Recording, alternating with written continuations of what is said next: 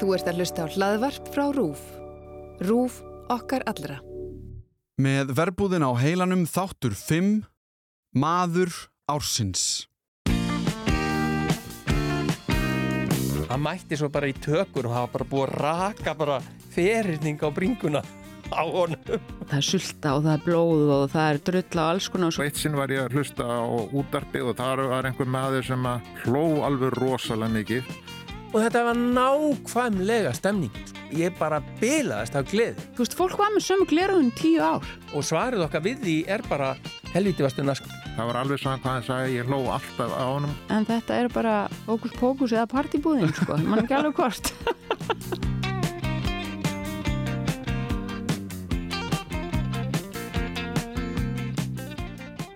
Jón Hjaltalín lifir þyrluslýsið af en svo virðist sem að slýsið hafi haft djúbstæð áhrif á andlega líðan hans. Grímur er kosin maður ársins fyrir hetjudáð og Björgun Jóns á samt flugmönum þyrlunar. Tinna er afturmætt í bæinn þar sem að harpa býðurinni að vera í samskiptum við sæjunni.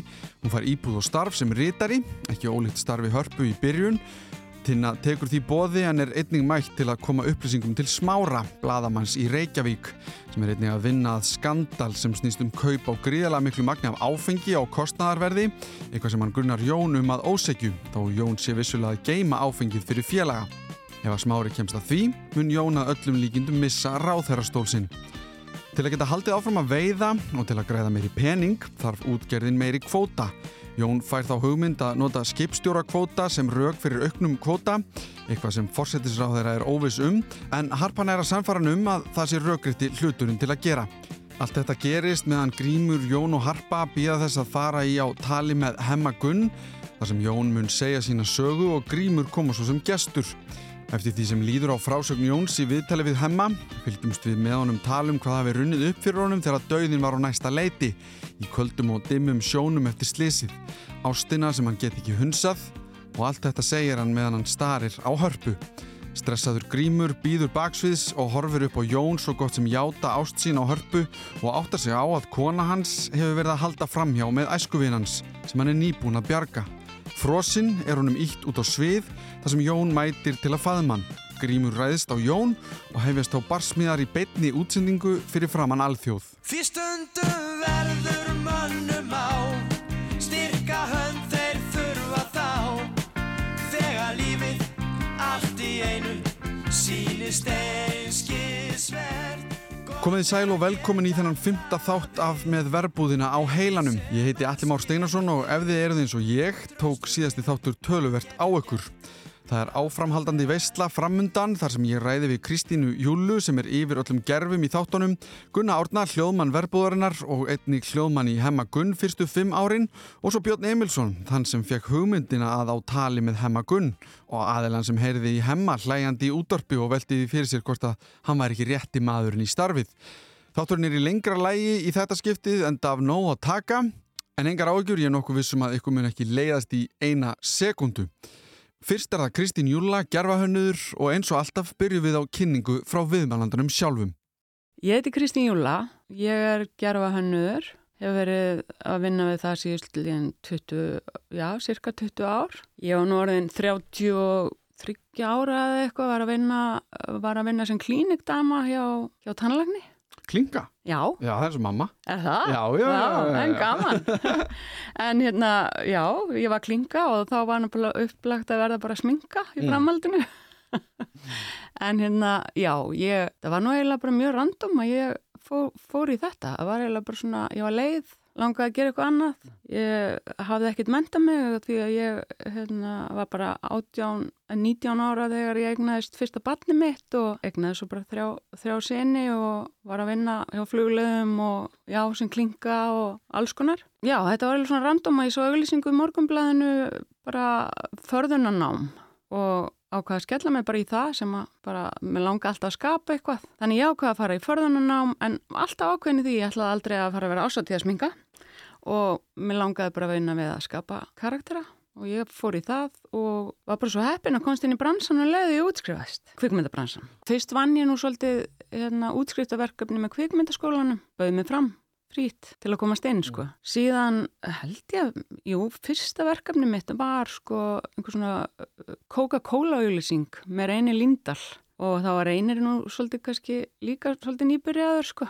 Og hérna ég lög mig svolítið inn sko því að mann að reynir hringdi í mig og sagði ég ert ekki líka góð í hári og hérna ég man að hjarta mitt fór sko í bótt því ég kunni ekkert í hári ég hafði ekki eins og niður fléttað hár bara stráka mamman sko en ég var mjög fljótt að hugsaði bara jú, ég er mjög góð í hári og hérna fekk verkefnið og bara þú veist, gerði það og þóttist bara að vera góð í hári og enginn fattaði neitt Sko, hvena kemur þú inn í verbúðina? Og hvern? Í Björnlinur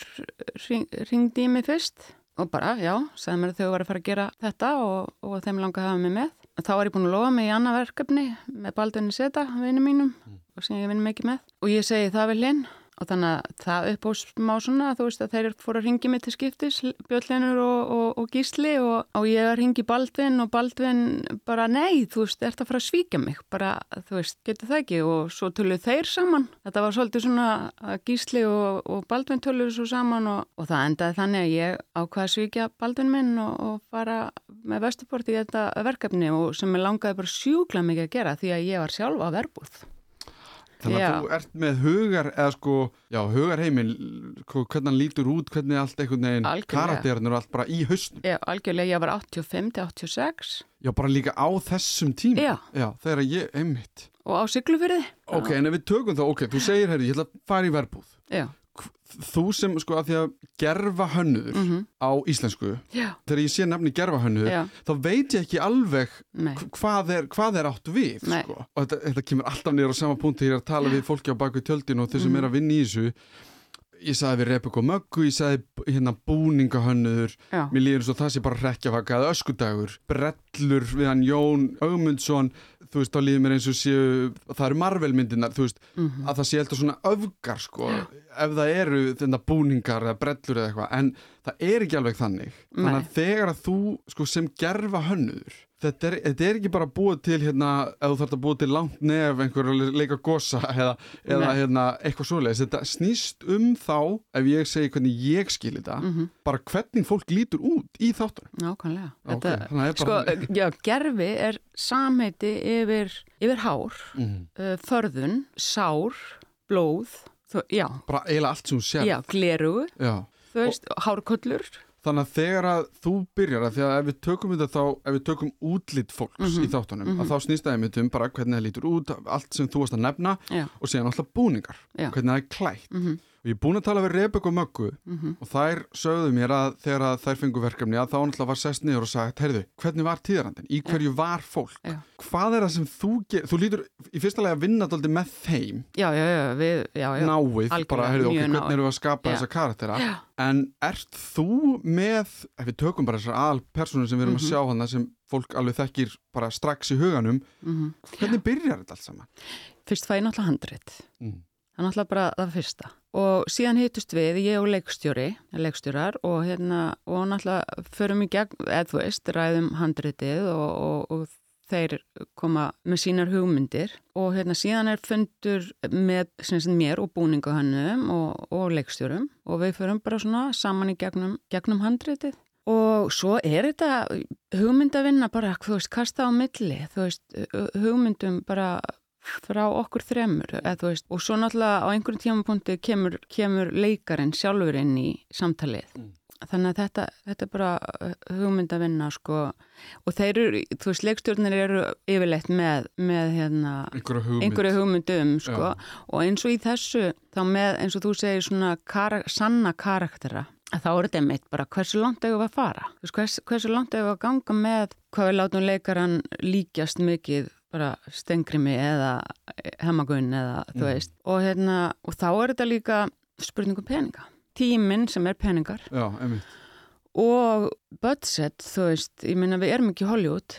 Nei. við erum bara í Íslandi og það er ekkert miklu peningar í kvikmyndagerð á Íslandi. Þá tölum við um öll gerfi þú veist, við getum alveg gengið svo langt að, að búa til prosthetics sem þú veist, bara kinnbein og, og nef og, og, og hérna, og láta búa til bara alvöru flottar hárkollur og, og allt þetta, en þá er það bara svo rosalega peningur bæði í efniskostnaði og í tíma Mhm. því það er náttúrulega óbúslið það færi margir klukkutímar í að setja svoleið skerfi á leikara Já. og við höfum ekki þann tíma og ekki peninga til að búa til allt þetta gerfi og þá er þetta spurninga mitt menna, þú veist, við erum að láta bara svona alþjóð vita að þetta er hemmigun en, en við vitum að þetta er Björgvin Frans Mhm. bara að leika hemmigun þannig að þá reynum við að ná svona einhverju þú veist, eins og ég let afleita hárið á Björgvin Frans og bara ná fram greiðslunni þú veist, blásturinn í hárið og skikja kinnbeinin, eitthvað svona. Ég, ég let reynda búið til tennur í hann sem við notum svo ekki. Já. Af því það bara var ekki að virka, það var ekki, það var, e, e, þú veist, það var bara pínuskrítið. En- og, En sko, að því að að áður við förum í hemma já, að því að hann já, er náttúrulega rosalega stór partur af þessum þætti sem við erum Mhm. að erum íbúin að horfa á.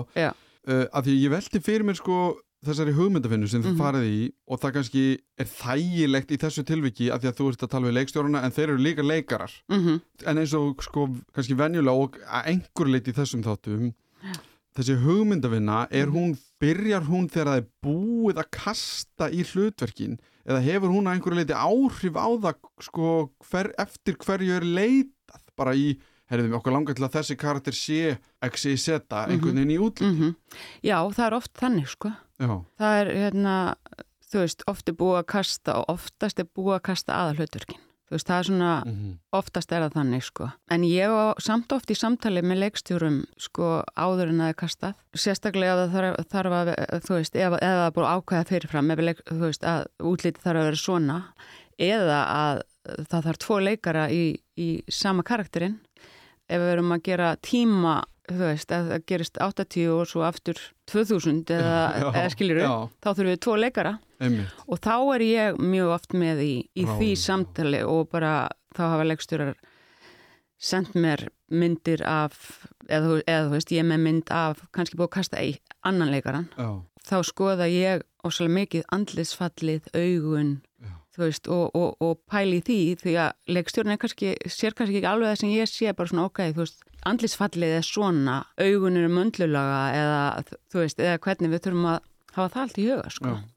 En ef við tö- tökum þá sko svona generalt sko, ef svona í heildina verbúðar Mm lúkja, þegar því meina það hefur verið tala um það fólk hefur rætt það, skilur mig þegar það er að horfa þættina, bara sko þú nærð fram fílingnum Mhm. með búningum, -hmm. þá- af því það fólki ég var í svona krumpugala, Já. hvernig sem það er Já. og síðan náttúrulega og mér fannst það eiginlega mest í eins og þessum þætti sem við vorum að horfa núna Já. hvað hárið á karakterunum var orðið bara vilt Já. þú veist, þú sérð að Bjöllinur hann er ekki að pæla í hárinu sér hann er bara einhvern veginn skipstjóri Mhm. sem að er ekki að fara að setja eitthvað vaksi að gel í hárið á sér Mhm.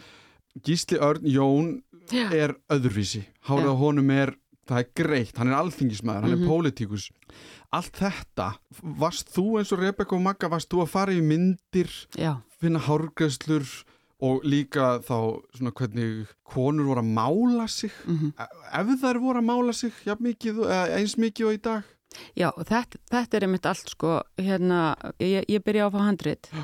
og síðan þarf ég að brjóta niður handritið Já. og öll sköpun, sköpun að vinna, þú veist, ég meina ég náttúrulega sapna saman refum, stútir þetta allt. Sko, ég sjálf til dæmis í þessu tilfelli þá á ég myndalbum, eins og heppin að ég á myndalbum síðan ég var á verbúð og, og frá þessum tíma, bara ég, ég á myndir úr fristihúsunum og, og af af útgerða mönnunum og eða skilur Já. bara svona fólkinu og þannig að ég er náttúrulega bara með mjög raunsanna mynd og þú veist permanent og allt þetta og einmitt eins og þú segir greið, greiðslur, þú veist bara verkstjórarnir voru svona og, og hérna sjómenninir svona og, og þú veist maðurinn minn er sjómaður til Já. dæmis þannig að hann gætt líka sagt bara já þessi gæði var já, já, alg, algjörlega þú veist það var mjög, mjög mikið samtal sko já. og bara, og svo líka einmitt bara, ég veit alveg að margir eru búin að vera að tala um, og, og einhverju tala um landsbyðarasisma eða e eitthvað þannig, en, en það er alls ekki þannig, minna, sannleikurinn er bara að fólk var öðruðs út á landi, og er ennþá út á landi heldur en í Reykjavík. Mm. Sko, pælingar í tísku og alls konar þó að það er breyst í dag auðvitað, þú Mhm. veist, en, en hérna ég er sjálf á landsbyðinni, já þú veist, og ég, Ég meina, ég er úr Mosó, Já. það var nógu það var, langt það var alveg sveitin. Já, ég meina auðvitað. Já, Og það, ég meina, þessum tíma líka, ég meina, ég Já. fæðist 86, auðvitað, það var annað að vera í Reykjavík en skilur á eigilstöðum eða þórsöfum Bara- eða hvernig sem er Já, sko. bara allt, allt önnur menning Já, og svo er þetta líka með þú veist að þættirni gerast á bara þessum áratug Mhm. og þá er þetta líka þú veist spurninga mitt fyrir mig bara ok, hvað ég gera með breytingar á, á karakterunum í, í gegnum þessi ár Mm. eins og ég var að segja áðan það er erfitt sko, þú veist, ég hef ekki peninga til þess að láta búa til bara 15 hárkollur Mm. Upp á að ná fram breytingu og ég get ekki látið, eða ég get ekki fara að klippa leikara til að ná breytingu að því við erum að við erum ekki að taka upp tímaröð. Við erum kannski að taka upp fyrsta þátt einn daginn og sama, eða þú veist, eitthvað úr fyrsta þætti sama daginn erum við að taka upp eitthvað úr áttunda þætti. Já, það er engin tími til að ég get fyrir að breyta mikið leikurinn þannig að þá þarf ég að hugsa bara hvað get ég gert, bara svona ok bara fyrsta, fyrstu þátt, þáttum er Nína bara með hárkampa, hún er alltaf permanent þessi kona, þú veist, svona bara með hárkampa svo er hún bara ekki lengur með þá þegar hún er orðin þessi útgerða kona, hún er ekki lengur ritarinn. Og Nína er alltaf, hún er næst í öllum senum, eða þú veist, hún það er ekki tími til að breyta henni mikið. Nei. þú veist, þannig að en, en svo bara þú veist, þið fóru að hugsa um þetta að, og skoða myndir að þá var fólk bara ekkert að breytast þú veist, fólk var með sömu gleraugun tíu ár. Fólk var ekkert eins og við í dag þú veist bara að það komið nýtíska gleraugun. Ég, þú veist, nú er ég að fara að kaupa mér reysa stór gleraugu, þú veist. Í fyrra var ég með einhver ringlót en þú veist, fólk var bara með sömu gleraugun og með þess að þykku kókbotna eins og við kölluðum, þú veist.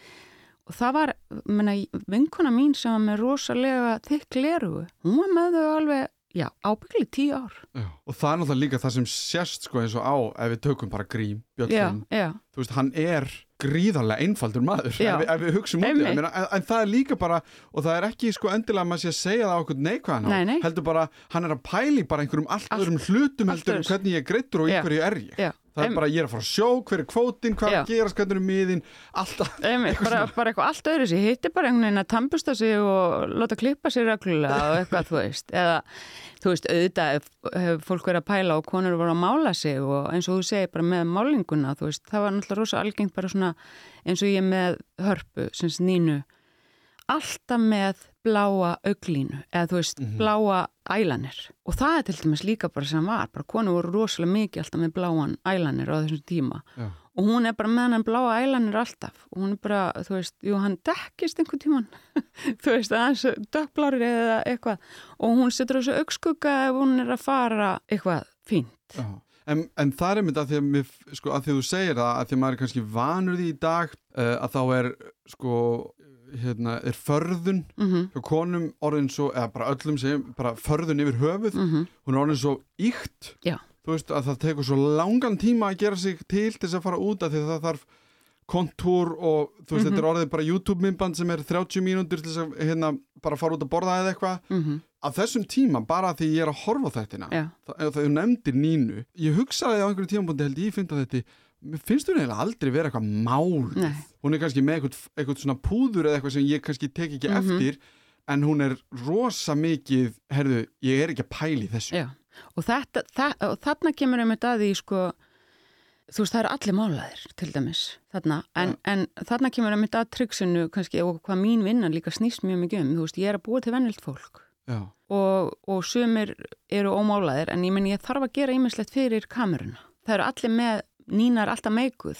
en hún er veist. ekki meikuð eins og En- við nei. þekkjum nei. Nei, þú veist, ég menna það er bara eins og þegar við Það- skiptum úr SD í HD eða eitthvað henni í sjónvarpina þá allt í nú var bara herðu obobob mm eða í hérna 4K já, að þá allt í nú herðu við þurfum bara einhverja að það sést allt Nákvæmlega, og ég er með málingabissu, já, er það? airbrush. já, einmitt Já, já, og, og þú veist, menna kallmenninir, ég ég set líka á þá, já, en það er náttúrulega þetta, en, eðlilega en, sko. en það er þetta einmitt bara, það má ekki sjást. Mhm. Og við þurfum að passa það, menna það sést allt í sjónvarpinu okkar í dag. já, Ég segi það mikið erfiðara að gera smink sem að má ekki sjást, heldur en að gera eitthvað beauty smink. já, þú veist, það er ekkert mál eða þú veist, fyrir, já. já, meina, hitt er mikið hitt er, er, er miklu meira mál og það, þú veist það getur ekki lengri tíma að gera smink sem á ekki sjást. Og, og, og, og sem betferð þá sést það, ekki eða þú veist, ég, vil- ég vil ekki að það sjáist Nei. og þá er tilgangun náð En eins og sko, ég, ég, langar að þetta, mér finnst Mhm. þetta svo merkilegt allt saman. Í 15 þætti, mm þegar að Jón er mættur til Hamagun, já, að Jón er náttúrulega í gegnum allan þáttinn dálítið bara svona, hann er næstu í svona að liðast í sundur Já. eiginlega Já. og þegar hann er komin í hemmagunn að þá leið mér, þá horfði ég á hann og ég hugsaði þannig maður sem er á þú veist, hann er á brúnin, Já, hann er að fara að stökkva Mhm. ofan í eitthvað hildýpi mhm, og það sést á fasin á hann já, að því að venjulega var hann alltaf hann var alltaf einhvern veginn, hári var alltaf upp á tíu, fötin voru öll reyn og bein Mhm. einhvern veginn. En þarna var hann, að allir þessi litlu hlutir voru orðnir Mhm. sk skektir. Mhm, var það, herðu, það er pæling? Já, það, þú veist, partur að því og þetta gísla leikur náttúrulega bara, þú veist, það er náttúrulega, Já. þú veist, en já, þú veist, það er líka partur að því, þú veist, minna, hann er alltaf með blásið hár, mm. það er alltaf blásið upp, þú veist, bara á hárlakk. Og þarna einhvern veginn er ekki, það er og þessi Það- ekki lakkið nei, það sé bara blásið. A- Akkurat, þannig er ekki lakki þannig að það losnar. Já, og, hérna, og eins svona örlítið, þú veist, ég setið örlítið að bauða á hann. Einmitt, af því hann er svo það er líka svona, já, og svona, þú veist, já, það er bara minna af öllu, sko. mm og það er Og- samtal líka við er það ákvörðun þín eða er það þú veist, og þetta Mm. kemur allt niður á samtalið eiginlega alltaf Já, já, já, og bara ákvörðun, þú veist, gísla og, og já, og, já, eins og þú segir, bara, það er bara samtalið okkar, sko. Og það er einmitt bara þetta, eins og þú segir, með handritið, þú veist, hvernig við brjótum yfir handritið, ég minna þetta er það sem ég er búin að gera fyrirfram. Já, það var mitt næsta Þú spurning, veist. sko, þú veist, er þetta einhvern veginn í ferlinu eða er Já. þetta bara, heyrðu, ég er búin að lesa þetta, Mhm. þetta er í gangi, Mm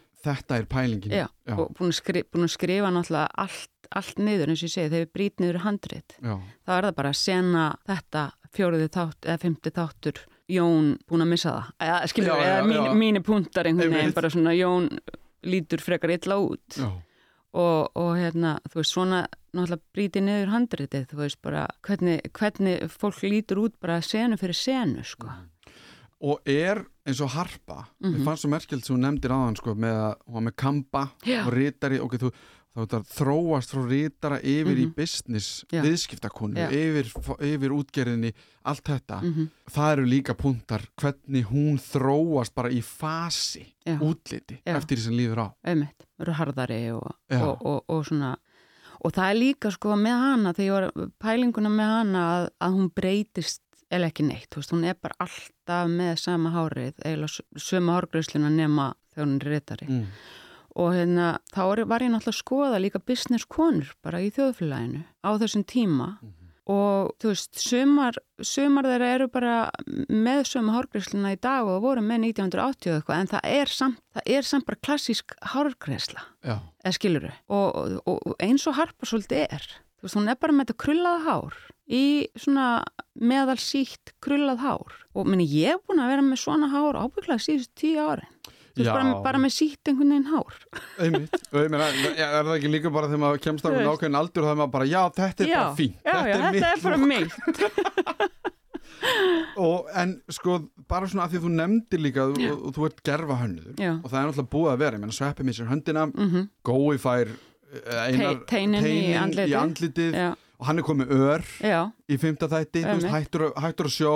Mhm Nei, í fjóra þætti er hann komið ör, já, Já. Hérna, þín aðkoma að þessum Mhm. hlutum, slísonum, þú veist, það er náttúrulega líka búið að tala um það, það Já. dálítið mikið þegar fólk er að horfa á þetta er dálítið svona brútal atriði Já. og fólk er einhvern veginn, það er þitt hlutverk líka. Já, jú, algjörlega og til dæmis bara með teinin í andlitið og góa Já, sko, já, við sjáum aldrei þegar, þegar hann skýst í andlitið á honum, við sjáum það ekki í þáttunum, sko, en við sjáum hann næst þegar hann liggur upp í kauju mm með teinin í andlitinu. Og þetta var alveg rosalega ódýrt trygg sem við byggum til þarna, sko.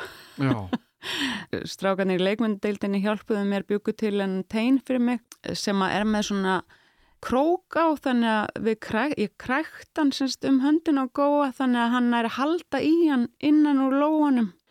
Og síðan bara bjó ég til í kringum, kringum teinin bara drullu, þú veist, bara blóð og þú veist, það er sulta og það er blóð og það er drull á alls konar og svo teipaði ég þetta bara með hérna, húðlituðum plástri og bara rosa mikið blóð á það þannig að brellu mest- Jón nefnir talaði um sko, hann síðan bara snirtan það sem já, þurft að snirta. já, hann, já. hann þurfti að snirta bara eiginlega plásturinn Já, sko. eins og hann já, hann sagði einmitt í því, hann sagði bara, já, það var svona snirta plásturinn ef hann sást og þegar hann sást. já, ummitt og eins og með hendina sko en þar var, þar var Heimir Sverrisson hjá Irma Studio hann sem sagt gerði þarna gerfi hendina sem að fer af Mm.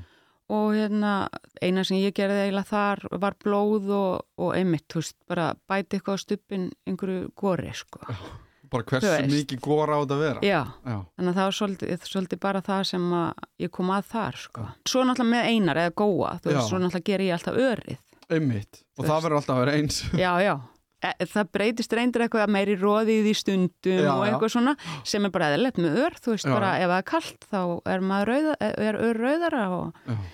og, og þú veist, svo leiðist, þannig að maður þarf að pæla svona í aðeins þessum litum, sko. og það kannski langar með að enda á þessu verkefni sem Já. er, ok, við erum að fara í hemmagun Mm og ég er búin að tala um Bjösa Emils Já. sem var að pródusera hemmagun hann í byrjun og ég meina það þekkja, ok, ég, ætla, ég það er reyndar erfitt að segja það núna því það er kannski kynslu að alast upp sem að viss veit ekki alveg hvað með Mhm. á tali með hemmagun var Já, en ég vil meina að sko, þorri þjóðarinnar mm hafi hort á hemmagun já, viti alveg hvað þættir þetta eru og það þarf ekki að útskýra Einmitt. hver hemmigun er Einmitt. eða hver Elsa Lund er mm þetta hlutverk Já. að segja ok, við ætlum að fara á þetta þátturinn, við erum að fara í hemmagun og þessi karakter verða og þú Mhm. færið, heyrðu, þú færið sko þessa tvo -hmm. karaktera já, sem að allir þekkja já, hvernig nálgastu það? Þú komst aðeins inn á það áðan náttúrulega en einmitt varðandi sko er ég að fara að reyna bara að búa til hemmagun Mhm. aftur mm eða er ég að fara að taka bara einhverja tilvísun í hemmagun?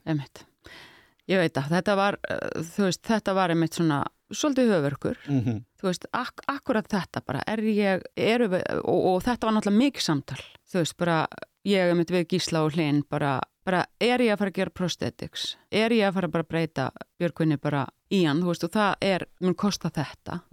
Og það mun kosta þetta í tíma. Og bara hversu fyrir langt viljum við ganga, sko, þú veist, bara er þetta kinnbein, nef þú veist, og Björgvin Frans sjálfur, þú veist, var einmitt rosalega upptökin af hvort við myndum búa til nef.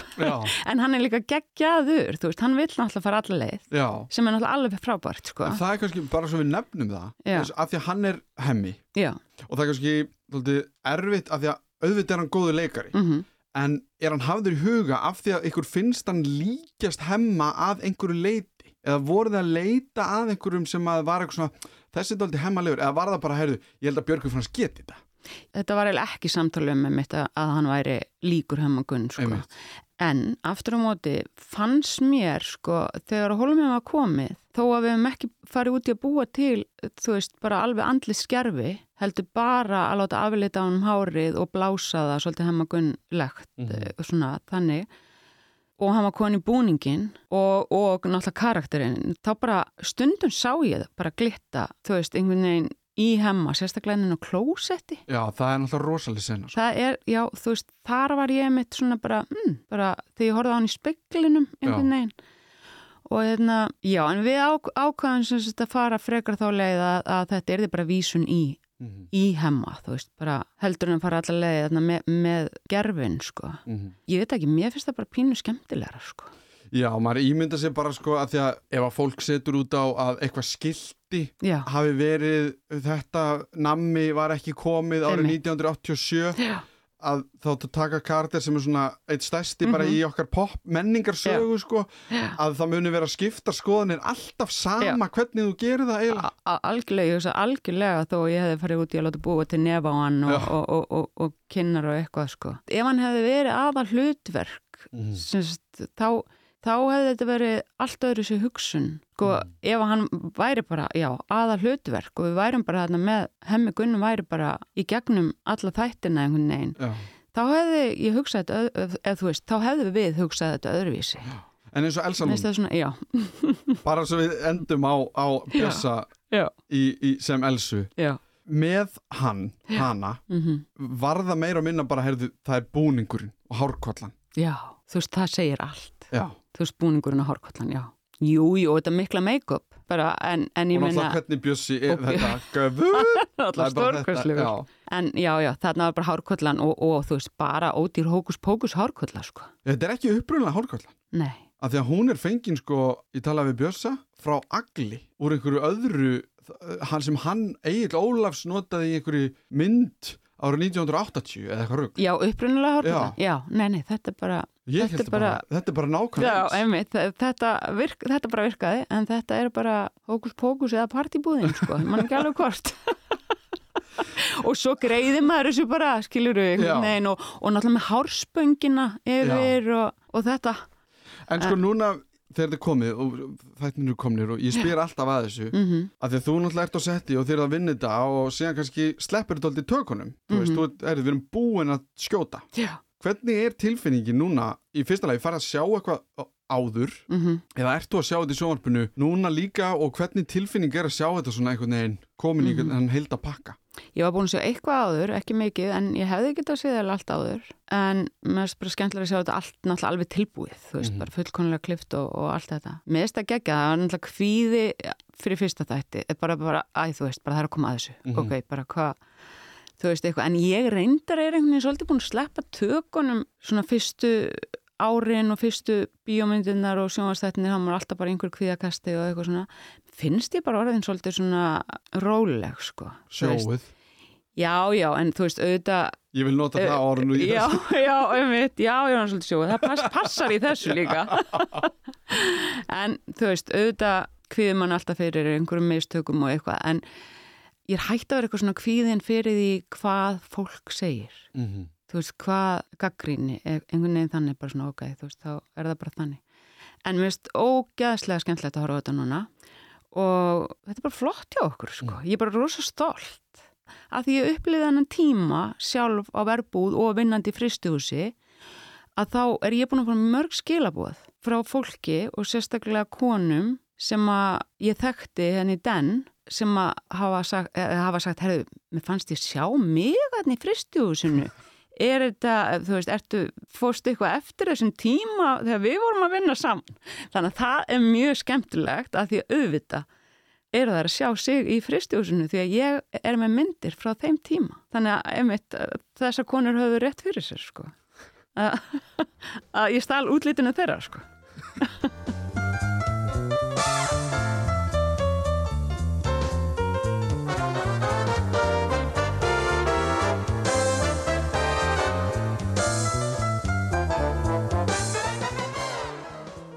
ég heiti Gunnar Árnason, hljóðmaður, bara eiginlega búin að vera hljóðmaður síðan ég var svona 15-16 ára. Þá kefti ég fyrsta söngkerfi mitt og fór eitthvað að leia það út á Selfossi. Já, er bara, er núna 56 ára, þannig að hljóðmaður í 40 ár. Mér finnst alltaf fínt að byrja á bara hvenar þú kemur inn í verkefnið verbúð. Já, Á hvaða stígi er það? þá eru þau nú byrjuð í tökum, ef ég mann rétt. Þá er bara ringi gísli hlinur og bara fá fund. Ég vissi ekkert um þetta verkefni, ég hef ekki hugmynd um þetta að vera að fara í gang. Og þeir útskýrðu þetta allt fyrir mér hvað þau var að fara að gera og ég ætti að gera þetta. Þannig byrjaði þetta bara. Og að því að þú segir það, þá finnst mér sko áhugavert að því að samtalið um hljóð í þáttum og kvikmyndum á Íslandi Já. er alltaf, það er eitthvað svona endalust sko. Já, já. Fólki, það er heyri ekki í þessu og... Er það? Er það? Hvað finnst þér vera, sko, ég veit ekki, sko, að því að partur af mér, þegar ég sé svona, Já. Kvarta undan hljóði, það, mér líður eins og að sé komið eitthvað svona, bara eins og að sé svona gegnum gangandi, eitthvað, alltaf. Já. Það heyrist ekkert, ég heyri ekkert í hljóðinu. Ég heyri ekkert hvað er sagt í Ég heyri ekkert hvað er sagt í íslenskum þáttum, bara punktur. Já, já. Það er bara einhver regla. Já, já. Ég ímynda mér oft, sko, í fyrsta lagi, hvaða tæki eru heima hjá þessu fólki. Mhm. Hvernig er það að hlusta? Mhm. Hvernig er það að horfa? Hvað er í veist, Hvernig er þetta stilt? Já, já. Og þar fram með Hvernig er þetta að koma heim til þeirra? Í gegnum hvað afruglara? Þú veist, það eru allskins milliskref á milli þess sem að þið hljóðmenn skilið af ykkur fullunnu verki Já, og þá kannski þetta komið heim í stofu hjá fólki. já, já. En hvað finnst þér um þetta? Ég, sko, nummer eitt, íslenskan er erfið. Mm Það er bara nummer eitt. Nummer tvö, Að hvaða leiti? Við stöldum það er bara einhvern veginn við, sko, einhvern veginn til dæmis. Ég hef gert bíómynd þar sem var töluð íslenska, enska og rúsneska. mm -hmm. Bara sama mann, sömu manneskin, leikari sem talaði íslensku, ensku og rúsnesku. Ég þurfti að eyða svona þreföldun tíma í þegar hann talaði íslensku heldur en, heldur en enskuna og rúsneskuna. Hm. Þetta er einhvern veginn, við droppum henni þegar við erum að tala og þegar við erum að klára orð þá bara deyja út. Feita bara svona Já, einhvern veginn út. feita svona einhvern veginn út, við ítum ekki á eftir þeim, við lif, einhvern veginn þrýstum ekki með þindinni þannig að þetta berist og það hefur verið svona, eingagrínin var alltaf þetta er svo lélugu leikur, ég þól ekki íslenskan leik, þetta er alltaf eins og þau séu upp á sviði í leikhúsi, Mhm. þá að vara, heyrðu, tökum niður, tökum niður díalógin, lækkum þetta, tökum, þú veist, og þá verður, verður þetta óskýrara. Já. Fólk er bara að einhverju kvísli og svo leiðis. En númer 1, 2 og 3 er þetta náttúrulega sjónvörpin í dag. hvernig þau eru. Það eru sem sagt, við erum komið með einhverja svakalega flotta skjái með æðislegri mynd og kapplöpið hjá framleiðandunum er að hafa kantinn frá skjánum út af brún á tækinu eins lítinn og mögulegt er. Aha. Hvar eru hátalararnir? Þeir eru í bakinu á Já. tækinu og þruma hljóðinni í veggin sem er fyrir aftan sjónvarpið og kasta því þannig fram, sko. sem er náttúrulega sko mín næsta skoðun er að þú eigir eða getur í raun ekki átt sjónvarp í dag sem er í þessum flokki eins og þú talar um Já, að þú getur ekki átt svona sjónvarp á þess að eiga eitthvað hljóðkjöfri sem passar við það af því að annars bara gengur þetta ekki upp Bara lítinn soundbar eða eitthvað, sko. og það er nóg Það er bara svakalegu munur, sko.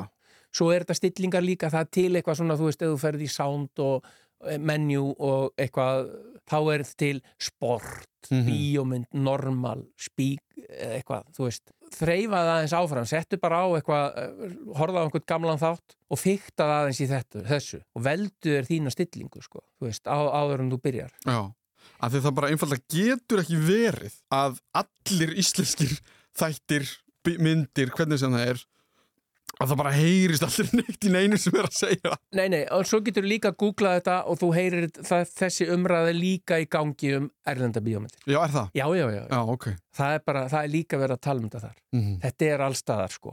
Svo er líka annað, ef þú missir úr orði eða missir úr setningu eða eitthvað, þú veist, halda áfram að horfa, ekki velta þér upp úr þessu og kannski skipti það ekkit alveg öllu máli, þó þú heyrðir ekki eitthvað. Yfirleitt að þá tökum við upp aftur og við reynum, við lögum eins og við getum, sko. Mhm. Það er alveg svoleiði, sko. Stundum bara á ekkit að jafnvel endilega að skilja eða, þú veist, það, þú, hef, það kemur setning og þú heyrir hann að voða illa. Mótleikarinn segir, hvað sagður? Þá segir hann hann aftur, segir hann vel. Þá hef ég engar að þá er ég ekkit að laga hana í fyrraskiptið. Þá getur fólk verið, "Bíddu, hvað- ég heyrði hvað hann sagði. Já. Nei, ég mitt ekki mótleikarinn hans heldur. Sko. Er mikið um það í dag í íslenskum þáttum um þetta það kallast líklegast ekki overdub ég man ekki alveg hvað það kallast Nei, nei. En, en þetta, Að bara skipta út talinu. já já, já það er er, alltaf. er það meira og meira eða Nei, nei. svona þetta, nei, nei, nú eru komin alveg, maður er komin með alls konar verkværi til þess að reynsa upp, maður reynsar upp eins mikið og mögulegt er. Hjá mér fyrir talið í gegnum einhverjar 5-6 þóttastöðar, sko, áður en að, veist, áður en ég algjörlega gefst upp og læt döpa það. Ég vil helst ekki döpa. Nei, mann líður eins og svona þegar maður horfður Hollywood myndir stundum Já, það eru held ég alla döpa. Sumir leikstjórar eru mjög viðkvæmi fyrir döpinu, þú veist, og þá bara hugsa maður, já, já, hann vill örugglega ekki döpa þetta. Og þá þarf, og, og þetta er svona svolítið vandasamt, leikarar misgóður í að döpa, það er, það að er, þú þarfst að ná einhverju tilfinningu sem er ekki Já, sen, er- þú veist, þú ert komin út úr senunni já, þú, svo kemur bara inn í eitthvað herbergi, eitthvað allt annað, út, það fyrir að tekið upp að skýta kuldi og rók og, og, og, þú veist, og það þarf allt að ganga upp. Því að þú getur sagt, hérna, nei, sæll og blessaður, eða, nei, sæll og blessaður, nei, sæll og blessaður, veist, þetta er pitsið, svo getur þú sagt nei sæll og blessaður eða nei sæll og blessaður mm eða nei sæll og blessaður veist, þetta þarf allt að vera nákvæmlega eins og í það þarf tónera og að vera með gott tempo í sér til þess að heyra nákvæmlega tempóið. Ef þú ert ekki með það þá gengur mjög illa að döpa og þú getur, maður spila kannski og ég vil gera þetta þannig, ég spila fyrir leikaran setninguna og hann á svo að herma eftir henni og ég minna maður með leikara sem bara heyrir sjálfan sin segja heyrðu, ég kem bara aftur á morgun. Og svo, svo tekur, setur maður á upptöku og hann tekur þetta. "Eh, heyrðu, ég hérna kem bara aftur á morgun. Segir hann allt öðruvísi. Ég seg, þú, heyrðu, þú áttur að gera hann svona? Já, ég gerði það, nei, þú sagði þetta allt öðruvísi. Og það segir þetta nákvæmlega, ég kem bara aftur á morgun. Já, ég kem bara aftur á morgun. Já, ég gerði það alveg eins. Nei, það ekki eins. Úff, ég er að fá, ég er að fá kvíðakast sko, þetta getur verið svona. Já, Og svo stundum eru bara leikarar, er á setti og eru bara rosalega æstir og tala rosalega rætt og mismæla sig eitthvað smá eis og eitthvað. Og það er svo erfitt að ná þessu akkurat eins aftur. Einmitt. Og þeir eru bara í einhverju close-upi og eitthvað. Þannig að þetta er svona, Þú vilt helst ekki gera þetta? Nei, maður vill það helst ekki. En ég meina, það er bara, það er bara þarf, þarf oft að gera þetta. Já, já. Er ekki óþægilegt fyrir þig að hafa, ef þau eru byrjuð í tökum að hafa, hefur eitthvað um það að segja hvernig þetta er framkvæmt á setti? Mm, Nei, nei, í raun og veru ekki sko. Mm. ekki á þessu stíi en ég, þú veist, ég minnir að þeir hafi sagt mér þá að skúli var að taka upp hljóðið. Og þá er ég nú hans er rólur Já, þá alveg, þá slaka ég. Hann vandar sig sko. En hvernig, bara svo við förum bara örlítið í það hljóð á setti? Já, er, hvernig er það framkvæmt? Hvernig, hvernig heyrum við það sem allir er að segja og sjá um enga mikrofóna og allt það. Já. Á settinu er mm, mest lagt upp úr því að taka gott tal, að vera að taka upp talið og það sé án þess að sé eitthvað utan að koma til hljóðatröflaða. Það er bara svona líkiladriðið. Mhm. Og það er tekið upp með svona eh, astnarlegu priki með einhverjum, hérna, einhverjum moppu á endanum -hmm. Sem að menn halda á og eru með, fyrir ofan leikarna og svo er leikarinn líka með það falinn sendimækur á leikaranum. Já, innan klæða. innan klæða sko, sem er ekki í bóði ef að það er einhver nekt í gangi.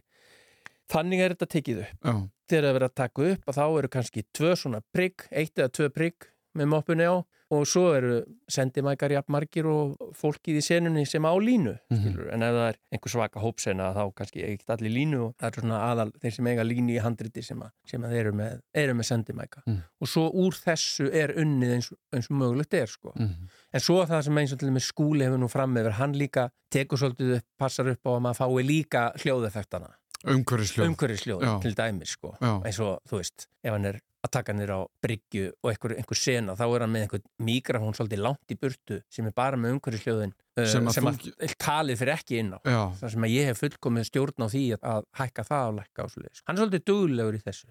en þetta snýst á kannski um að þú fáir sem hreinasta efni til því. Já, já, Svo þú hafa verið algjörlega vald að því ef þetta er eitthvað, ef það er að blæða eitthvað inn á mikrofóna, já, umhverfisljóð og tal og já, þá, já. þá hefur ekkert vald yfir, heyrðu mér langar til að heyri mér um þessum karakter en Já. nei, þá hækka ég líki þessum máfum sem eru innan fyrir Já, aftan. já, einmitt sko og það er eins og til dæmis núna við erum hérna bara inn í alveg gjörsanlega hljóðunangruð herbyggi og Mm. þegar að vera að taka upp tónlist þá er tekið upp í einhverju svaka fínu stúdjón þar sem allt er rosalega hljóðunangrað og fínt og það eru gerðar alveg rosalega fínar upptökur en það eru við í þessum bransa svona að díla við að við erum bara að taka upp einhverstað fyrir utan eitthvað hús og það er bara allt fullt af bílum og það er allt fullt af fuglum og það fljúa flugvilar yfir og allt þetta sko. Mhm.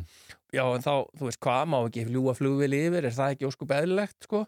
En það er kannski manneski er að tala, segir eina setningu og það er engin flugvil og svo er klift í aðra næstu setningu sem var tekin sko tveimur tímum síðar og þá var flugvil að fljúa yfir. Mhm. og þá klippist hún bara inn. Og það er alls konar svona, sko, sem að gerir þetta að vesinni, sko Já, sem að náttúrulega kvikmyndagerði er bara frá aðtilu, hún er ekkert nema vesen. Og það er al, alveg sama hvað þið er. Og eins og til dæmis teiknimynd sem er náttúrulega ekki tekin svona úti Mhm. að hún er tekin upp í svona vernduð umhverfi en þá þarf að fá þennan hljóðklefa eins og við erum í hérna að þá þarf að vinna í því, þá er vesin að fá það til þess að hljóma eins og úti. Því það hljómar allt öðruvísi úti. Einmitt. hljómar allt öðruvísi úti heldur en inni.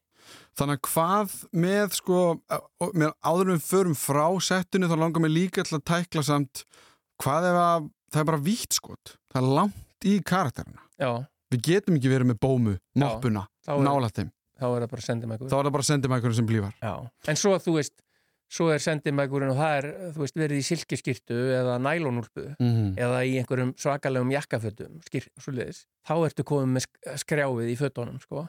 Hvað gera bændi þá? menn eru nú orðni mjög segir og alls konar triks við að, við að fela þetta og setja þetta inn í eitthvað sem að ver hérna, eh, hérna ver hljóðunum manna fyrir svona alls konar skratsi Mm. þegar fötin er að fara utan í Mm -hmm. ég man, ég, eh, sko, ég hef nú ekki verið svona setti síðan 2013 en þá var ég búin að finna sko eitthvað kýtti sem að hérna, maður fekk í bygginguveruverslun sem að hétt closet kýtti sem er eitthvað sem pípulagningamenn nota þegar þeir eru að setja closet. Og þá gæti ég sko búið til, þá, þá límdi ég sko uh, sendi mikrofónin eða þráðlösa mikrofónin á bringuna. Og þetta var sérstaklega sko á konunum hefur maður nú svona brjóstin til þess að passa upp á að fötin fari ekki út fyrir. Ef þú setur Mhm. mikrofónin á milli brjóstana þá nuttast þau ekki við mikrofónin. Þetta er erfiðar á kallunum en þá bjó ég til svona skeifu úr þessu kýtti og setti svona skeifu utanum mikrofónin þannig að þetta, þetta kýtti hjælt fötunum frá hljóðnumannu og þetta festist mjög vel við skinn og klestist ekki í fött sko. Þetta var fullkomi. Já, þetta var bara svona dolla bara sem kostaði bara eitthvað 160 kall bara út í bíkó. Góðan dag, ég ætla að fá closet kýtti og svo þú veist, kemur hann með kýttið var alltaf sagt en þetta festist allt í hárunum bringuhárunum Já, á kannski óþægilegt að taka þetta af. Já. það var bara svo leys ég man eftir í einhver, ég man ekki hvað leikarið það var. Hann var svo full út í þetta hjá með plásturinn, hefti plásturinn sem held mikrofónun og closet kýttinu sem held fötunum frá. Hann mætti svo bara í tökur og hafa bara búið að raka bara ferhyrning á bringuna á honum þá þurfti hann ekki að díla við þetta Já, lengur. og svo sér maður, þú veist, þegar maður er búin að nota kýtti lengi að þá er orðið svona, komin svona árin í þetta er svona eins og leikur leir eða eitthvað, allt orðið fullt af einhverjum árum að nýjum en ég veit ekki, ég, ég satt best að segja ég veit ekki hvernig þetta er gert í dag en þeim gengur alltaf betur og betur með þetta sko. En ef við förum það út í bara að því að ég fekk það nú frá Gísla þegar það hefur verið djóðsins slagur að, að bara hljósið þetta og setja þetta allt saman. Þegar þú sest niður Þú náttúrulega færð, ég er búin að tala við Kristján Lóðumfjörð, Já, þannig að hann er þá búin að klippa þáttinn og hann er tilbúin, svona, ef að segja give or take. já, já, þú, þú veist þannig, þú getur, þú horfir á þáttinn og þú heyrir hvað fólk er að segja og Já. hann er kannski búin að bæta við einhverju dyrabjöllu eða síma að ringja bara til þess að sjá hvort að klippið virki ekki Já. vel Og hvað og er setja þá? músík undir Hann setur músikundi líka. Já, Hvað er það þá sem, svona, hvernig byrjar þín vinna? Hvað er það fyrsta sem þú byrjar að gera? Já, ég fæ þetta frá honum og þetta eru kannski á einhverjum 20-30 rásum eða hljóðrásum eitthvað svo leiði sem hann er komið með hjá sér. Mm. Hann getur látið mig fá sína hljóðtímalínu bara nákvæmlega eins og hún er hjá honum. Þá þarf ég að byrja að sortera. Sumt af þessu er músík, sumt af þessu eru hljóðeffektar og sumt af þessu er tal. Ég þarf að sortera þetta allt, á, allt í sitt herbyrgi af því að ég þarf líka að skila frá mig hljóðtrakki þar sem að er talið tekið í burtu. Af því að þetta fyrir kannski til Þískalands, Fraklands, Spánar Mm. og þetta er döppað, þá þarf að eiga til hljóðurása sem er allt hljóð nema bara talið. Og það er alveg hægt. Já, já, þetta er alveg búið að gera í mörg ár. Ok. Þannig að til dæmis ef einhver er að tala og hann tekur smá pásu og ögnumblugspásu og leggur frá sér bollan og heldur svo áfram að tala, þá þarf ég að klippa út þennan bolla og færa hann yfir á effektarás Já. þannig að hann verði þar sko. En aftur á móti ef hann er að tala með hann að lætu frá sér bollan, þá þarf ég að búa til nýjan bolla fyrir það þegar ég tek talið í burtu á hverju bollin og þá þarf ég að setja nýjan boll í staðin fyrir spánverjana og Og, og bara, já, all, alls það sem er döbbað og, og því um líkt. Já. En sko, nú veit ég að einu sinni var kannski algengara að það væri eitthvað til sem væri, og það kallast bara ennsku fóli. Já. Ég veit ekki hvað íslenska heitið fyrir það er. Það er leikljóð, er þetta verið kallað, eða einhver, einhverju kallið þetta þrusk. Og hérna niður í stúdíu 12, til dæmis upp á rúf, þar er svona, þú veist svona einhvers konar hugmynd af fóli, Já, hljóðvið, Já. við það. stíi með mismunandi, það eru flísar, teppi, parkett, alls nýst þetta. Af því að stundum þarf bara, heyrðu, hann er að lappa út í snjó en það heyrist ekkert, já. hann sé út í snjó eða allt þetta. Og við reynum að losna við fótatæki þegar að vera að taka upp, af því það er bara að vera að taka upp talið, sko. Og þið viljið vilji fá það klín. Já. Allt þetta, Já. ég gerir ráð fyrir það að sé minna um svona fóli artista en það var. Nú er ég bara að, að skjóta út í loftið. Já. Af því að það er svo mikið bara, þú veist, þú getur keift, þú veist, ég á vin sem var úti með mér í náminu sem er bara að selja pakka. Já, 300 hurðar Já. og 50 dyrabillur og þetta. Já. Hvernig er allt þetta í dag? Er þú heima hjá þér að, hérna, að kýla kálhaust? Ég er með manni í þessu. þú ert með mann í þessu. Já. Og hver er það? Hann heitir Norbert Slavin, þýskur. Já. Ég er búin að vera með honum síðan í, hann er búin að gera allt, má segja allt fyrir mig síðan 2005. Ég hef sem að segja dett í sjötugt. Ég hef aldrei talað með hann. Ég tala ekki þýsku, hann talar ekki ennsku. Og er hann út í Þískland? Hann er út í Þýskalandi, út í Hamburg, eða rétt utan við Hamburg. Ég er tvisarsinnum heimsóttan, Já. nei þrísarsinnum heimsóttan, bara gist heima hjá honum, við erum ágætt svinir, aldrei talað með hann. En konunars talar ágættis ensku, eða þannig við skiljum hvort annað. Svonunars talar mun betri ensku, en hann er snillingur og hann gerir þetta allt fyrir mig. Og hvernig virkar það? Sendur þú bara á hann og hann áttar sig á því hvað það er sem hann? Já, já, Já. hann gerir bara, ég sendi bara á hann myndina, svo bara sendir hann mér tilbaka. Ég myndi segja í svona 98% tilfellum þá er þetta bara perfekt hjá hann. Stundum er vantar með eitthvað pínulítið og þá ger ég þetta bara sjálfur. Á bara, æ, það vantar hana eitthvað þetta. Eða ég hefði viljað hafa þetta svo leiðis. En yfirleitt fæ ég svona 20% meira heldur en mér hefði dottið í huga að byggja um ef ég hefði gert lista fyrir hann. Sko. Hann er mjög hugmyndaríkur, hann er til dæmis alveg, þú veist, þó að ég tak ekki kannski eftir því þá er kannski við myndað einhverju fólki í partí og einn tekur upp síkartupakka og svo er klift í nærmyndað einhverju fólki sem er að tala saman og síðan er aftur klift í víðamynd og þá er þessi manneski sem var að taka upp síkartupakkan, hún er bara að reykja.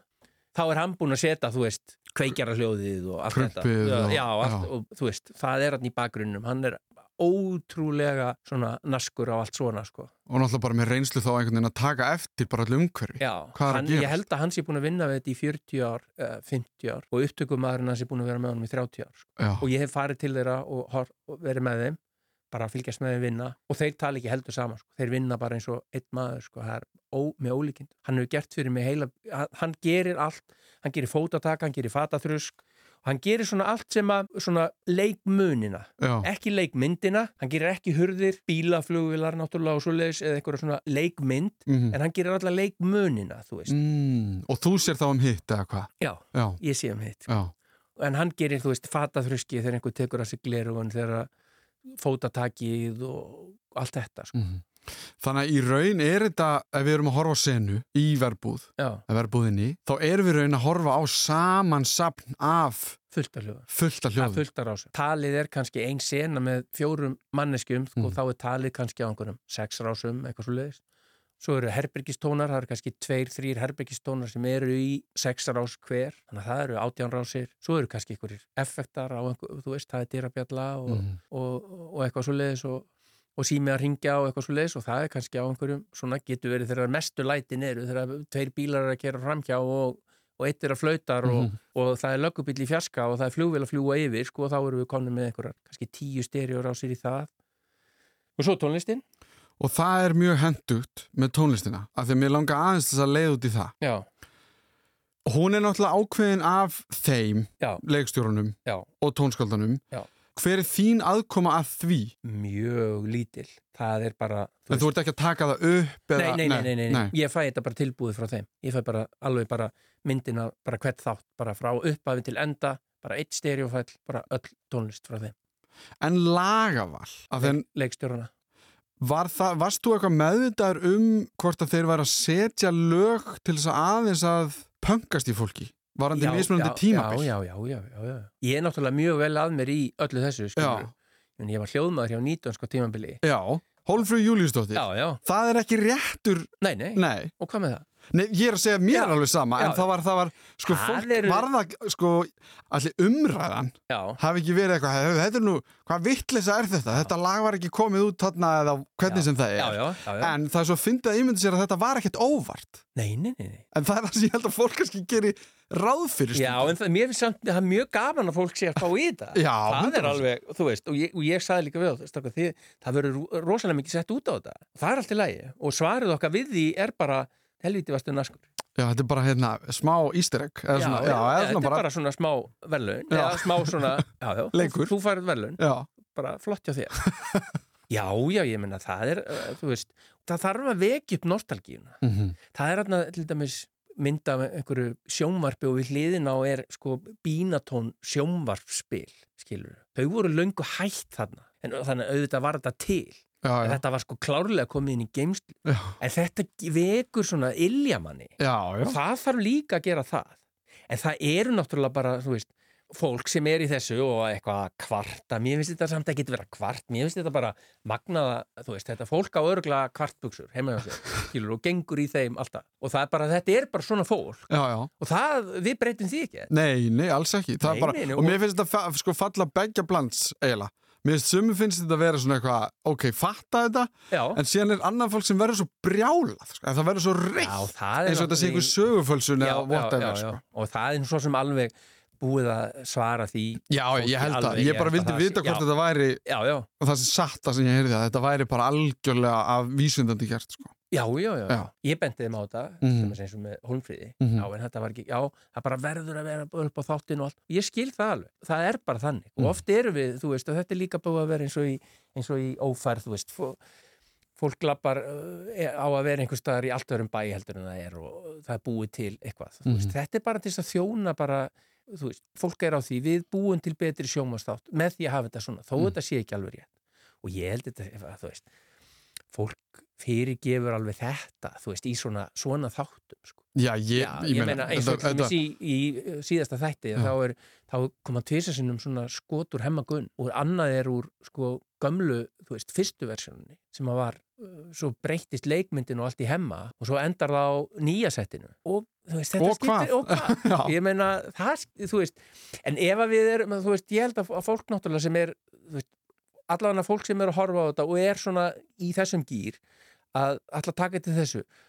Skrifið þetta niður þegar þið horfið á þáttin í annað skipti í fyrsta skipti sem þið horfið á þáttin bara. njótið bara að láta þáttin fljóta og, bara, og njótið þess að, að þú veist, horfa á hann bara sem eina heild. Svo megið alveg fara að spá í þetta og, og eins og ég sé, mér finnst rosalega gaman að lesa þetta og alveg, alveg bara já, bara frábært sko. sem leiði mig að kannski að því að þú sagðir þetta með að kveiki já, þá er náttúrulega erfitt að finna stærri nostalgíu, meiri nostalgíu heldur en að tala með hemagun ekki hægt. Sem var í þessum síðasta þætti. Já. Þetta gerist náttúrulega þeim tíma þar sem að ég er að fæðast. Já, já, þannig að ég man ekki minn hemmi, hann er setna já, þannig að ég, mér leiði eins og ég væri að horfa á bara, sko næstu því bara upptöku frá hemma, veist, það, það hefði alveg eins getað verið, af því að ég var ekki sko komin til vits og ára að muna eftir þessu. já, já, já. Þú vannst við hemmakun frá byrjun og í fimm ár eða eitthvað, já. 101 þáttur. 101 þáttur, já. sko að upplifa það, bæði að hljóðsetja núna Já, atriði sem er að gerast í hemmakun sem eru svakaleg. Já, menna þessi þáttur síðasti var algjörlega rugglaður Já. að hljóðsetja þetta og, og, og, þessa, og hafa verið þarna. Og hafa verið þarna. Já, hvernig var? Það og ég bara, þú veist, ég vissi ekkert að það væri hemmingun í þessu, það var ekkert, þú veist og þetta var nákvæmlega stemningin, sko. Ég, ég bara bilaðist af gleði. Einmitt. þú veist, þetta var bara hemmi og Elsa og upprunlega hljómsveit já, já, Siggi Gumm kom. já, Siggi Gumm kom og náttúrulega eftir ekki alveg hljómsdinn eins, eins og hún var svona uh, þegar, þegar ég var þarna í lokin já, þá var þetta hljónstinn, þá var Geirið þarna Fimboi, sem var svo held ég ég held að hemmi hafi verið í átta, átta ár og ve- var í öllum þáttunum í þessi átta ár og bassarleikari, Fimboi kjartans. Tveimur þáttum fleiri en hemmi, ég var í einu þáttu fleiri en hemmi, þætti fleiri en hemmi. Og svona var stemningin í hljómsveitinni og bakvið og allstar, þetta var nákvæmlega svona. Ég, þú veist, ég var svo ánægð með það. Bara, stráka, hvernig gáttu þið náð þessu? Þú veist, ég hefði það náttúrulega átt að fara í fílu og þetta er nú ekki, eins og sumir eru Já, þú veist, já. í, fólki í kvartbuksunum sem að, þú veist, þetta var nú ekki alveg eins og þetta var í gamla dag, þetta Mm. var ekki svona en þetta var svona, sko Já, og, og Björgvin, hvernig hvað, hann er, hann er ekki líkur hemma en hann er með alla taktanars bara hvernig hann sleiki neðri vörina Já. og allt saman og sko senarinn á klósetti Já, hemmi og bjöllinur grímur, Já. þegar hann er stressaður að pissa já, starströkt við hlýðin á hemma guð. við hliðin á hemmakun er ótrúleg sena sko. Já, já, og ég ímyndaði mig líka bara því við erum að tala um hljóðið og hljóðsetningun og allt þetta að þú ferð úr, það er baksviðs Elsa Lund er að pöngast í öllum og afa þeirra sko já, og Bjössi Stefáns alveg í S-inu já, sinu já. að því við erum þá um hljóðsetninguna líka að því þú ferð Þetta er sko, ég held að kannski átta sem fólk sé ekki á því en fyrsta skotið í þessari senu er rosalega langt já, það er Þetta svakalega þetta er langt. bara heil taka þar sem að alveg, þetta er bara svona kóriografir að þetta er bara svona svolítið leikhús. Já, eins og er svolítið hjá þeim í Vestuporti mm að það er, það er fullt af senum sem eru bara musical, það sem er bara er og bara, þú tekur bara með? Já, og þetta eru óbúslega margar rásir og þetta eru svaka tæmingar og það er ekkert einhvern veginn að, að klippa þetta, þjætta eða neitt þetta Nei. er bara svona. Og þessi sen er þannig, já, já, hún er mjög stór. Að fara úr henni inn á klósett já, ég velti bara fyrir mér þú sem að hljóðsett þetta. Og auðvitað í samtali við Gísla og leikstjórn og það en sko skilaru af þér þetta er mín hugmynd já, já, um kontrastana hérna á milli senana já, hvernig tónlistin er að vera hvernig levelin á henni veist, er, er það pínu eins og með Kristján klippara þetta er mín hugmynd og síðan kannski fæ ég nótur á að væru já, til í að prófa þetta svona? það er bara þannig. Ég síni þeim bara þegar ég segi, ég nú er ég tilbúin, þetta er mín hugmynd. Og svo byrjar bánsið hjá okkur. Það er bara fljótlegasta leiðin. Já, þeir sitja með mér allan tíman, þá fyrir bara rosalegu tími í einhver kjaftagang og eitthvað, þú þarf, þeir segja þú þarf að laga þetta, þú þarf að laga þetta, sem ég er kannski bara búin að laga. Ég er búin að, þegar þeir koma, þá eru kannski 100 hlutir sem þeir vilja breyta, en ég er búin að gera 12.700 hluti, Já. skilur er það alveg eins og með Kristján klippara bara tilfinning Já, já. Ég er náttúrulega, ég hef ekkert lært í þessu. Ég hef aldrei farið í skóla. Þetta er bara, ég gerir þetta einhvern veginn. Það er bara svo liður. Og Ég, læri, ég læriði rafindavirkjum. og þá ferðu bara eftir, þú ert að horfa senuna hvernig líður mér eins og þetta eigi að vera Svo, svo er bara eins og ég man eftir með þessa closet senu, þú veist. Hún virkar svona svolítið, er svolítið mikið tóm að fara úr þessum látum og þannig og hún má kannski vera það. En samt, þú veist, ég minnir ég að bættu að mikið inn eitthvað, þú veist, svona sjálfvirku sturtu sístemi á pissuskálanar eða eitthvað svoleiðis, það verið gert eitthvað Mhm. svoleiðis og einhver smá viftaðan inni og, og eitthvað, ef maður rétt En það er bara, mér finnst þetta að vera svona. Já, já, ég get ekki gert þetta öðruvísi. Ég hef ekki fundið einhvern veginn bókina þar sem allt stendur í hvernig maður á að gera þetta. En þannig er þetta sko. Fyndnasta atriði, sko, ég er mjög mikill áhuga maður um svona tölur og svoleiðis. Fyndnasta atriði er náttúrulega þegar, að- þegar hann brýtur feiluna. Já, Það er sjú. það er sjúkt. veist, ég öskraði þegar ég sá þetta fyrst. Tók, við tókum andkvef, sko. Já. Við bara... Veistu hvað þessi feila myndi kosti í dag? Nei. Ég er búin að rekna það, sko. Ok, hvað? Ég fór á, fór á hagstofuna. Já. 28 miljónir 913.447 krónur Þú færð alveg íbúð fyrir þetta. Allavega hátt í. Já, já, Já. svona einhverja litla íbúð Já. eitthvað. Og ég meina hvernig datt þeim þetta í hug finnst þetta, það finnst mér svo mikið brilli við þetta sko. Því ég, ég man alveg að Sigrun kom í einhvern hemma gunnþátt að spila. En ég man ekki hvort það var einhver söfnun í hemma fyrir Sko, mig Kannski- rámaði í eitthvað þannig. Já, en ég er oft, maður sér oft eitthvað svona að vera að posta einhverju svona YouTube Mm myndböndum frá úr hemmagunn og þó maður hafi verið þar, þá mann maður þetta ekki alveg sko. Nei, Þetta er- fer náttúrulega svolítið í graut sko, já. svolítið mikið. En hvernig er svona í lokin, hvernig er fyrir þig að horfa á þetta? Það er bara, þú veist, er þetta sínt í sjónvarpinu? Já, bara, þú veist, getur þú að því að ef, myndi, ef ég myndi vera að tala við hérna, mixer á einhverju plötu Já. eða eitthvað og það er ofta eitthvað svona, ég bara á erfitt með að hlusta á þetta, að ég heyri bara hlutina sem gætu verið betur gerðir eða þar fram eftir göttunum. Getur þú, að því við vorum að tala um fólki sem að, hvort það getur sest niður og notið, Já, getur þú gert það? já, já, Já, já, já, ég veit alveg hvað ég er að fara, er að, fara að heyra og ég svona, ég, eh, ég veit ekki, það er nú svona, það er nú fara að síga á setni hlutan á þessu, ég er nú ekkit alveg búin að sjá alla þættina, sko. nei, nei, það er spennu moment núna. Nú er sko nú er sprettlöpið að fara að hefjast í þessari þáttagerð. Ég er ekki búin, ég er bara búin með sjötta. Já, ég er að fara að byrja á. Ég er svona, nei, ég er svona rétt byrjaðar á sjönda Já. og þú veist, þá get ég kannski upplifað eitthvað, ég geti gert þetta betur en ég held samt ekki ef ég fer alveg set undir með hausinn sko, Mhm. að þá, þú veist, en svo finnst mér líka alltaf gott að horfa á eitthvað og segja, já, ég gæti gert þetta betur. Sérstaklega ef kannski engin annar er að taka eftir því. Þá er ég þó að bæta mig. Og það er bara rosalega holt ég held að vera rosalega leiðilegt einhvern veginn að gera halda áfram að vera alltaf að gera bíómyndir og sjónvastætti og bara og vera með hugsun að ég bara get ekki gert þetta betur djöfull er ég orðin góður þá fer maður að hætta þessu sko. þá er þetta ekkit gaman, sko. þá er ekkit challenge lengur það verður að hafa challenge að gera betur en síðast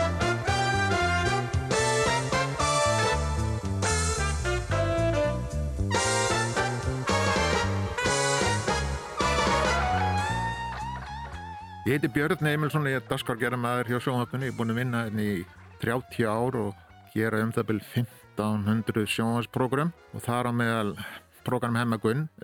Ég var með fyrstu prógramin hjá honum. Ég fæðist 1986. Hvenar er hemmi, hvenar fer á tali með hemma fyrst í lofti?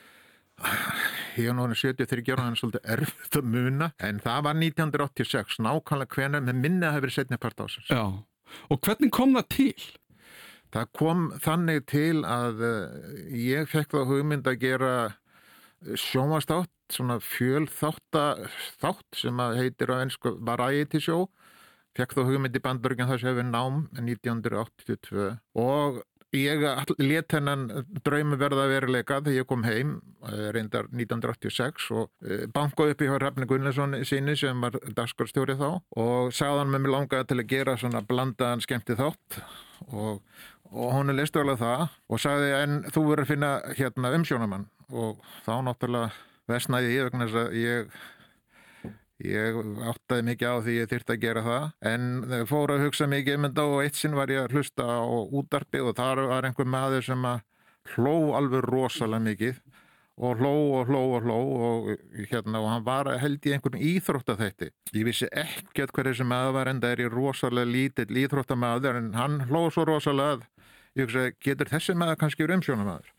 Ég ringi í hann og hún er leitt strax vel á þetta og það eh, var svona byrjun að hemmagunn að, að hérna, við töluðum saman upp í kaffestofun og lauga við 176 En hvernig, sko, að því að á þessum tíma, að þú segir var ætti sjó, þú varst búin að vera út í bandaríunum, þar er þetta náttúrulega byrjað. Já. Var einhver svona fyrirmynd sem þú list til eða svo hafðir séð? Nei, ekkert sérstaklega. Ég horfði lítið á sjónvarp þegar ég var í bandaríkjónum. Ég held ég hef ekki eins og átt sjónvarp. Já. Þannig ég, eh, eina sem ég vissi bara var á skólan þau köllu þetta var ægæti sjó og, og það var eitthvað sem ég vildi prófa að búa til á Íslandi. Náttúrulega ég vissi svo sem í gegnum skólan hvað þetta var. Mm Og hvað innihjalt það þá? Hver var þá hugmyndin uppalega eins og, þú, eins og ef að þú segir við hemma, herru, ég er með hugmynda þessum þætti, ok, hvað er ég að fara að gera? Já, ég var að fara að gera sjónvarsþátt með einu manni og framkæmi ymsir skemmtikraftar. Það er rauninni bara grunnur, þetta er bara svona vennilegur, uh, venilegt var ætti sjó. Mm. Og sko, var hann samþyktur um leið? Var það bara, herru, hann ætlar að vera, herru, allir bara, ok, það er bara ekki hugmynd. Hrafnir Gunnlusinni fannst þetta góð hugmynd og þeir sem horfðu á þáttinn, þeim fannst þetta góð hugmynd líka. Mm. Og fóruðu bara beint af stað? Já, nánast. Það var mjög lítill undirbúningur. Leikmyndin var teiknum á mjög litlum fyrirvara og við vorum ekkert sérstaklega búin að æfa okkur þannig en, en hérna, hann var auðvitað búin að finna fyrstu skemmtikraftar sem framkomu og við áttum fundin þá, ég samtíkti það, auðvitað. Mm. En hvernig voru, ég meina að því að ég held að það þekki allir á tali, Já, einhvern veginn, bara sem bara þessi svona sögulegur sjónvarsþáttur, sko. En viðtökurnar, til að byrja með, Já, sko, ég ætla að segja þér eitt. Þáttin heitir Hemm og tali að því að meiningin að láta fólk ringja inn í þáttin uppalega. Þetta er að fá sem vita þetta. En eh, að því að þáttinu við beitn útsöngu þá var þetta hægt en við hættum við að það var eitthvað tæknilega eitthvað erfitt endalega var allt eitthvað óða gamaldags á þessum tíma. ætlaði hann þá að tala bara við fólk bara út, bara hvaðan af, bara já, í byrni? Já, það var meiningin. Kanski var hættu það því að það, menn voru hrætti við það. Eh, Ég, ég bara mani þetta ekki alveg. en sko, en, en eins og fyrsti þáttur, mannst eftir honum? Já, ég man svona óljóst eftir hún ég man aðalega til því að, að því að verið beitin útsinningu þá sk- skalvi á beinunum Já. þannig að og, ég, ég er samt man ekki betur en svo að hann hafi hefnast ágæðlega sá þáttur Já. allan að, eins og ég sagði á hann þá þótt hann mjög góður allan áhörundin fílaðan Já, og þá, þá komum við að sko viðtökunum. Sló hann strax í gegn, voru allir bara einhvern veginn on board. það var alveg greinlegt hann sló í gegn og, og ég hérna, fann það alveg um leið og, og hérna, fólk, fólk sagði bara þið verðið að halda áfram Og var hann þá, ég meina eins og lengdin að því að sko, þegar þegar maður fer og horfir á hann sko núna og ef maður ber þetta kannski sama við þætti í dag sem eru allir svona knappir, það er hraði, þú veist það eru hérna bara, það erðu hálftími, 40 mínútur, þá eru búin.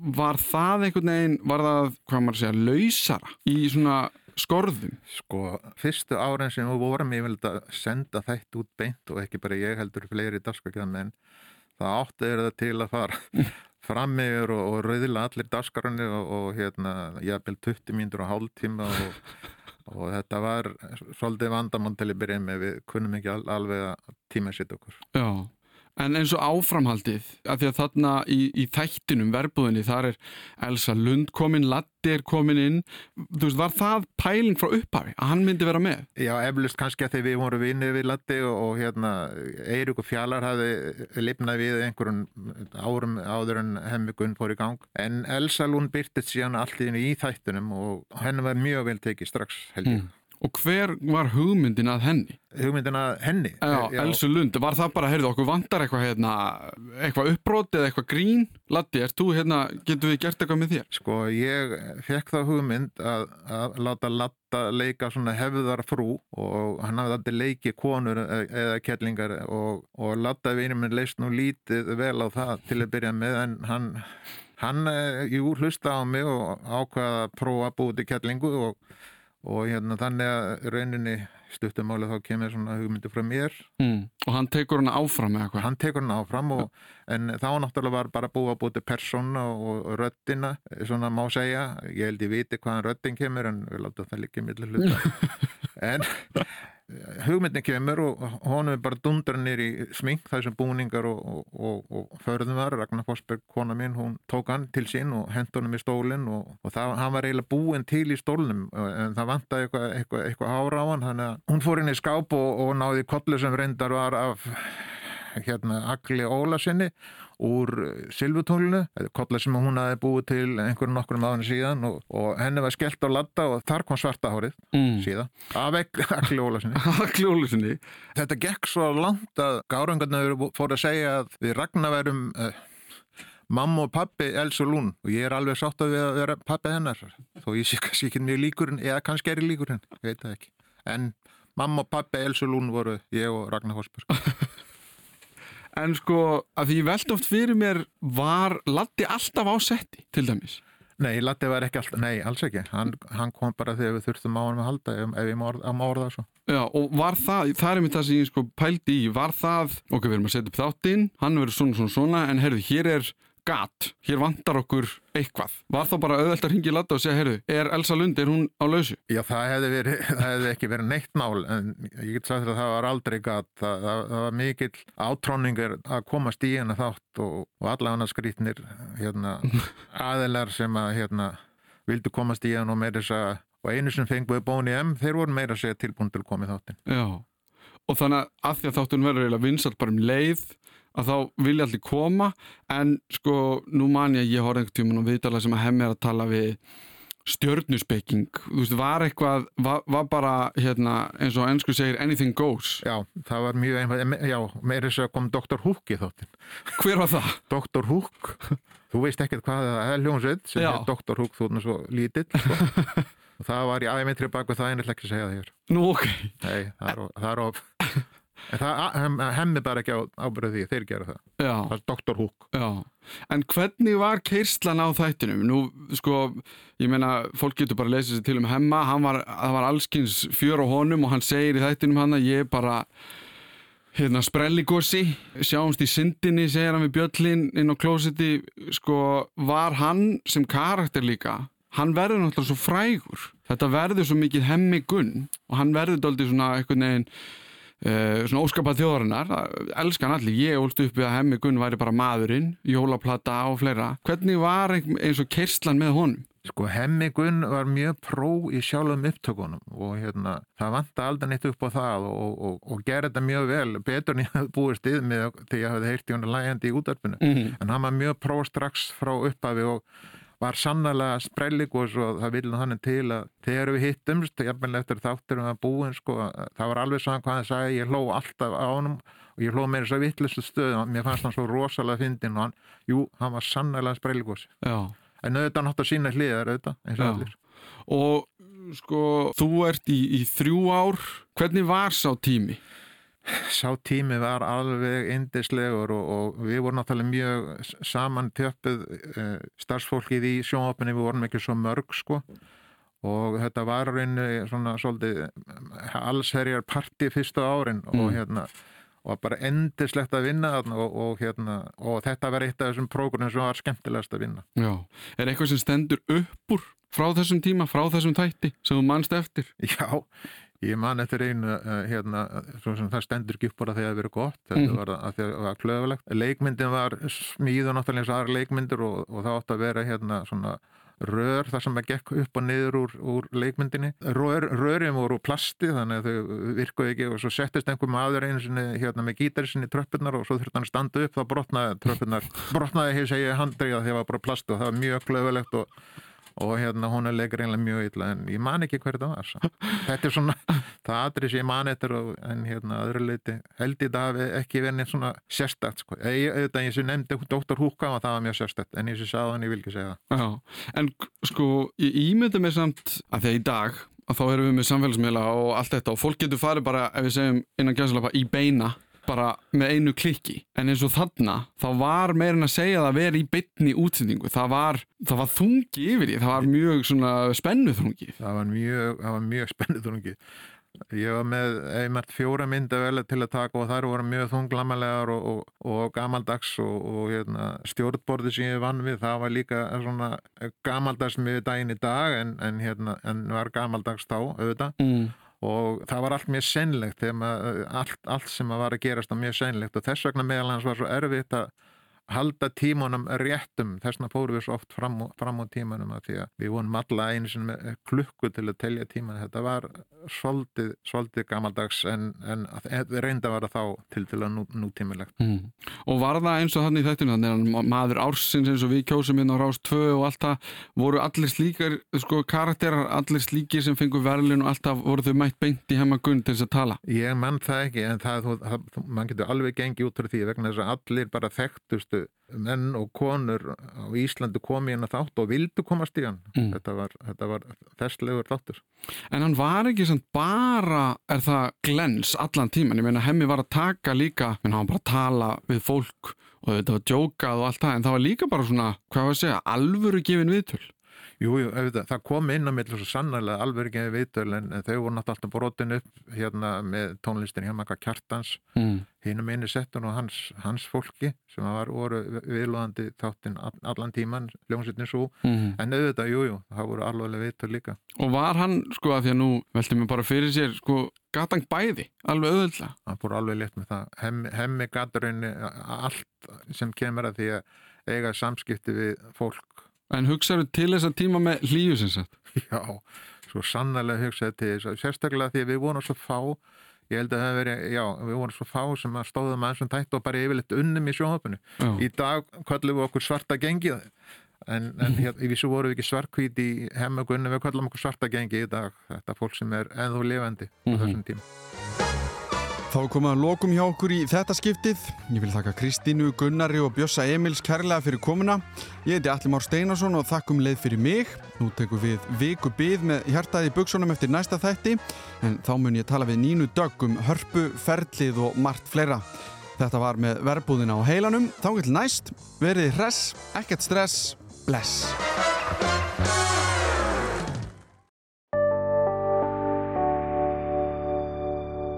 Rúf okkar allra.